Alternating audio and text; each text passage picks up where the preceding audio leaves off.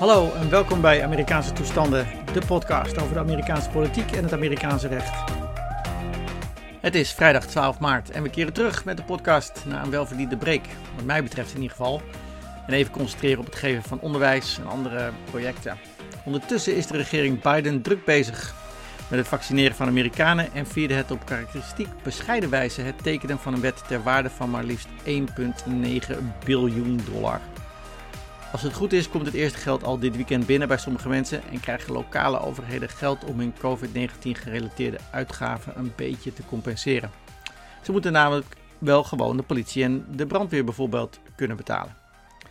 Maar het is niet allemaal goed nieuws. De laatste versie van de wet, de versie die Biden ondertekende, kreeg de steun van geen enkele republikein. De Democraten konden de wet er alleen doorheen krijgen via de procedure van budget reconciliation waardoor slechts een normale meerderheid nodig was in plaats van 60 stemmen vanwege een uh, filibuster. Maar in deze podcast wil ik het even hebben over het voortdurende saga van stemmen in Amerika, want het gaat maar door. Stemmen is niet heel, uh, heel erg makkelijk in Amerika. Uh, ten eerste zijn de stemregels over alle 50 staten verschillend, hè, want elke staat mag volgens de grondwet zijn eigen regels stellen. Maar bijvoorbeeld ook, er is geen gemeentelijke basisadministratie aanwezig in heel veel uh, lokale, bij lokale overheden. En moet men dus altijd registreren om te kunnen stemmen. Vergelijk dat met Nederland, waar bijvoorbeeld we automatisch geregistreerd zijn om te stemmen bij onze geboorte ongeveer. En krijgen we automatisch een stempas in de bus, zoals de meeste Nederlanders uh, de afgelopen weken hebben gekregen. Daarnaast zijn er ook uh, bijvoorbeeld uh, strikte voter ID-regels, identificatieplicht bij het uh, stemmen, wat natuurlijk heel logisch klinkt, hebben we ook in Nederland. Maar als die regels heel moeilijk zijn, kan het in Amerika wel eens problematisch zijn. bijvoorbeeld omdat heel veel mensen misschien geen rijbewijs hebben of geen paspoort hebben. Want heel veel Amerikanen hebben in verhouding geen paspoort. En dan is het ook nog wel eens moeilijk om dat te krijgen. Dan moet je ook nog wel eens op tijd zijn om dat allemaal te verkrijgen. De, de, geschiedenis van uh, stemmen in Amerika is ook een geschiedenis van, net zoals in veel landen, eentje van obstakels uh, verwijderen de hele tijd. Waren er eerst nog allerlei um, uh, obstakels, zoals, of in ieder geval kwalificaties voor het stemmen, zoals het betalen van belasting, het hebben van bezit, hè, property.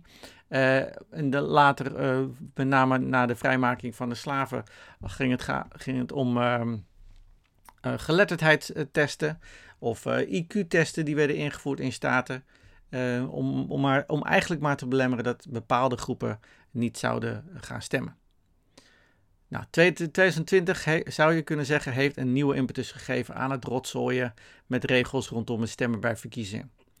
Het gaat hier om het uh, langzaam uitkleden, of in ieder geval een voortgang van het uitkleden van de Voting Rights Act van 1965, waarin met name werd geregeld dat, uh, werd geregeld dat iedereen zou moeten kunnen stemmen nadat de, de, de burgerrechtenbeweging daarop had aangedrongen in de jaren 60. Deze Voting Rights Act bijvoorbeeld moet ervoor zorgen als een soort um, implementatie een operationalisering van het 15e amendement bij de, bij de grondwet. Het moet ervoor zorgen dat iedereen gelijke kansen heeft om uh, te stemmen. Maar ook zeker dat bepaalde uh, staten in het zuiden van Amerika um, geen regels zouden opstellen zoals ze deden na de burgeroorlog. Uh, tot voor kort in de, jaren, in de jaren 60. Om ervoor te zorgen dat met name de mensen uit de zwarte gemeenschap niet zouden kunnen stemmen. Of in ieder geval niet in grote getalen zouden kunnen stemmen. Daarvoor had de Voting Rights Act uh, een toezichtsmaatregel in het leven geroepen, waardoor de federale, federale overheid altijd toestemming moest geven aan bepaalde staten om bepaalde regels, stemregels, in te voeren. Met Shelby County versus Holder, een Supreme Court zaak uit 2012, werd dat toezicht eigenlijk opgeheven.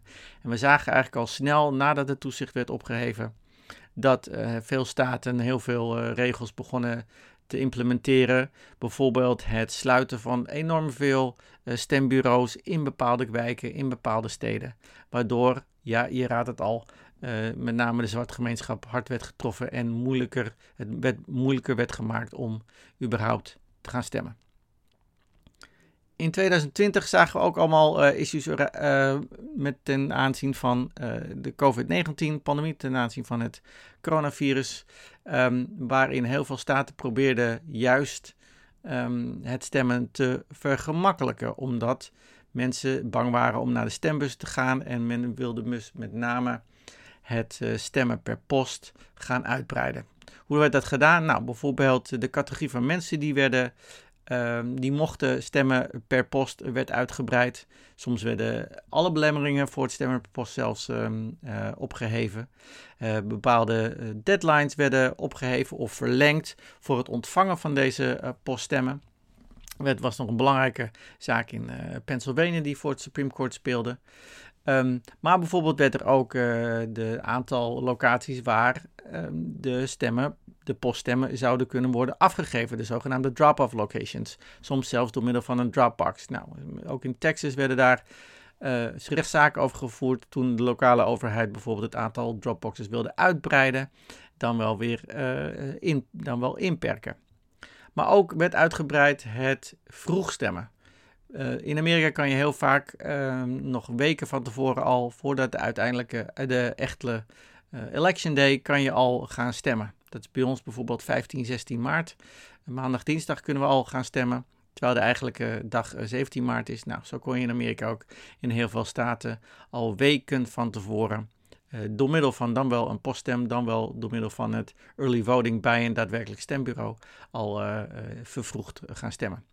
Nou, wie deden dat nou allemaal? Het waren verschillende overheidsinstanties die dit, dit soort maatregelen namen om het in de coronavirus-pandemie eh, het stemmen gemakkelijk te maken. En dat waren lokale wetgevers, de state legislatures. Maar het waren ook wel eens de gouverneurs of de officials die over verkiezingen gaan uiteindelijk, namelijk de secretaries of state in de verschillende staten. Uh, maar zelfs ook local boards of election, ook hoe, hoe die dan ook werden, werden genoemd. Maar ook soms kwamen er uh, de lokale rechtbanken aan te passen die een uitbreiding van de regels of een oprekking van de regels um, mandateerde. Nou, Donald Trump was al, is al twee jaar uh, bezig geweest voor de verkiezingen om het zogenaamde poststemmen in discrediet te brengen en überhaupt het hele verkiezingsproces in Amerika in discrediet te brengen en te delegitimeren, mogelijk met het oog op, dat, op, op een mogelijke nederlaag. Dus er was al, hing al een hele grote wolk rondom het stemmen in Amerika nog voordat de hele coronapandemie toesloeg. Nou, daarin, terwijl al, deze, al deze maatregelen werden genomen, kwamen ook alle rechtszaken op gang tegen al deze maatregelen. En al deze rechtszaken die uiteindelijk allemaal tot niks leidden, maar wel voor heel veel gedoe zorgden. Uh, was er één rechtszaak uh, bij het Hoge Rechtshof, waarin het Hoge Rechtshof een, uh, een uitspraak van een lage rechter door middel van een zogenaamde order uh, opzij schoof. En de aangehechte opinies daar bij die order, wat niet altijd vanzelfsprekend is, hè, dat er een hele opinies bij een order wordt gegeven, um, werd eigenlijk het juridische focuspunt geworden van allerlei rechtszaken rondom het stemmen en het uitbreiden van regels en wie gaan over de regels precies bij het stemmen. Ik, ik, wijs met name op de opinies van Justices Gorsuch en Kavanaugh in een zaak tussen de Democratic National Committee en de Wisconsin State Legislature. In deze, in deze zaken um, zowel Kavanaugh als Gorsuch eigenlijk een hele, hele beperkte, hele nauwe interpretatie van de zogenaamde Electors Clause in, in, in, in het grondwet. Namelijk dat het zou gaan dat, omdat de lokale wet, wetgevers, de state legislatures, die met naam en toenaam worden genoemd in de grondwet, de exclusieve bevoegdheid zouden hebben om de stemregels vast te stellen. Dat is een hele, zoals ik zeg, een hele beperkte uh, interpretatie van die, uh, van die clausule in de grondwet. En het zou namelijk betekenen dat ook een, een, al die officials die ik eerder noemde, zoals secretaries of state of governors of de local boards of elections, niks aan stemregels zouden kunnen doen. Eh, geen eh, deadlines zouden kunnen eh, oprekken. Maar ook dat lokale rechters er ook geen enkele toezicht op zouden kunnen houden. Dat mogelijk um, die stemregels wel uh, overeen zouden stemmen met dan wel de staatsgrondwet, dan wel de grondwet van de Verenigde Staten. Talloze rechtszaken zijn er gevoerd met um, uh, die opinie uh, in hand. Zijn bijna allemaal ehm, afgewezen, maar met name vanwege ook bewijs. Maar het lijkt erop alsof die opinie, die interpretatie van de verschillende, sorry, van deze verschillende rechters, Kavanaugh en Gorsuch, over de electors clause, dat die toch langzamerhand voet aan de grond begint te krijgen en een argument wordt um, in, in allerlei zaken. Je ziet het zelfs ook in de politieke arena, waarbij er wordt gesproken over de confidence, hè, of het vertrouwen in, in de, het verkiezingssysteem. Nou, dat komt eigenlijk ook bijna rechtstreeks uit, um, uit deze opinies als argument zijnde om het exclusieve bevoegdheid te geven aan de state legislatures. Talloze, zoals ik al zei, talloze rechtszaken zijn er gevoerd. Maar um, uh, heel veel uh, uh, door de Republikeins, of in ieder geval conservatieven. Um, maar die zijn ook veel al verloren. Nou is er afgelopen weken zijn er, is er ook een zaak geweest, of als ik het goed heb, vorige week. tussen, um, in, uit Arizona. En dat ging ook over beperkende maatregelen, zoals bijvoorbeeld het disqualificeren van een stem als die zou zijn uitgebracht uh, in een uh, verkeerd um, uh, stemzone, een verkeerde, verkeerde precinct, zoals dat heet. Nou, allerlei beperkende maatregelen die weer disproportioneel een bepaalde bevolkingsgroep zouden treffen. Um, en een, opmerkelijk moment in die zaak was tijdens de, tijdens de hoorzitting was de vraag van uh, Justice uh, Amy Coney Barrett, de laatste, de nieuwste uh, rechter bij het Hoge Rechtshof, benoemd door Donald Trump op de valreep, die nogal wat wenkbrauwen deed ehm, fronsen. I'm interested in knowing why the RNC is in the case. So, you know, the DNC had standing, and the district court said that it had standing to challenge the out of precinct policy because the policy placed a greater imperative on Democratic organizations to educate their voters and because the policy harmed its members who would have voted out of precinct. What's the interest of the Arizona RNC here in keeping, say, the out of uh, precinct um, voter dis- ballot disqualification rules on the books? Because it puts us at a competitive disadvantage relative to Democrats. Politics is a zero-sum game, and every uh, extra vote they get through unlawful interpretations of Section 2 hurts us. It's the difference between winning an election 50 to 49 and losing okay, an election thank you. My time is up.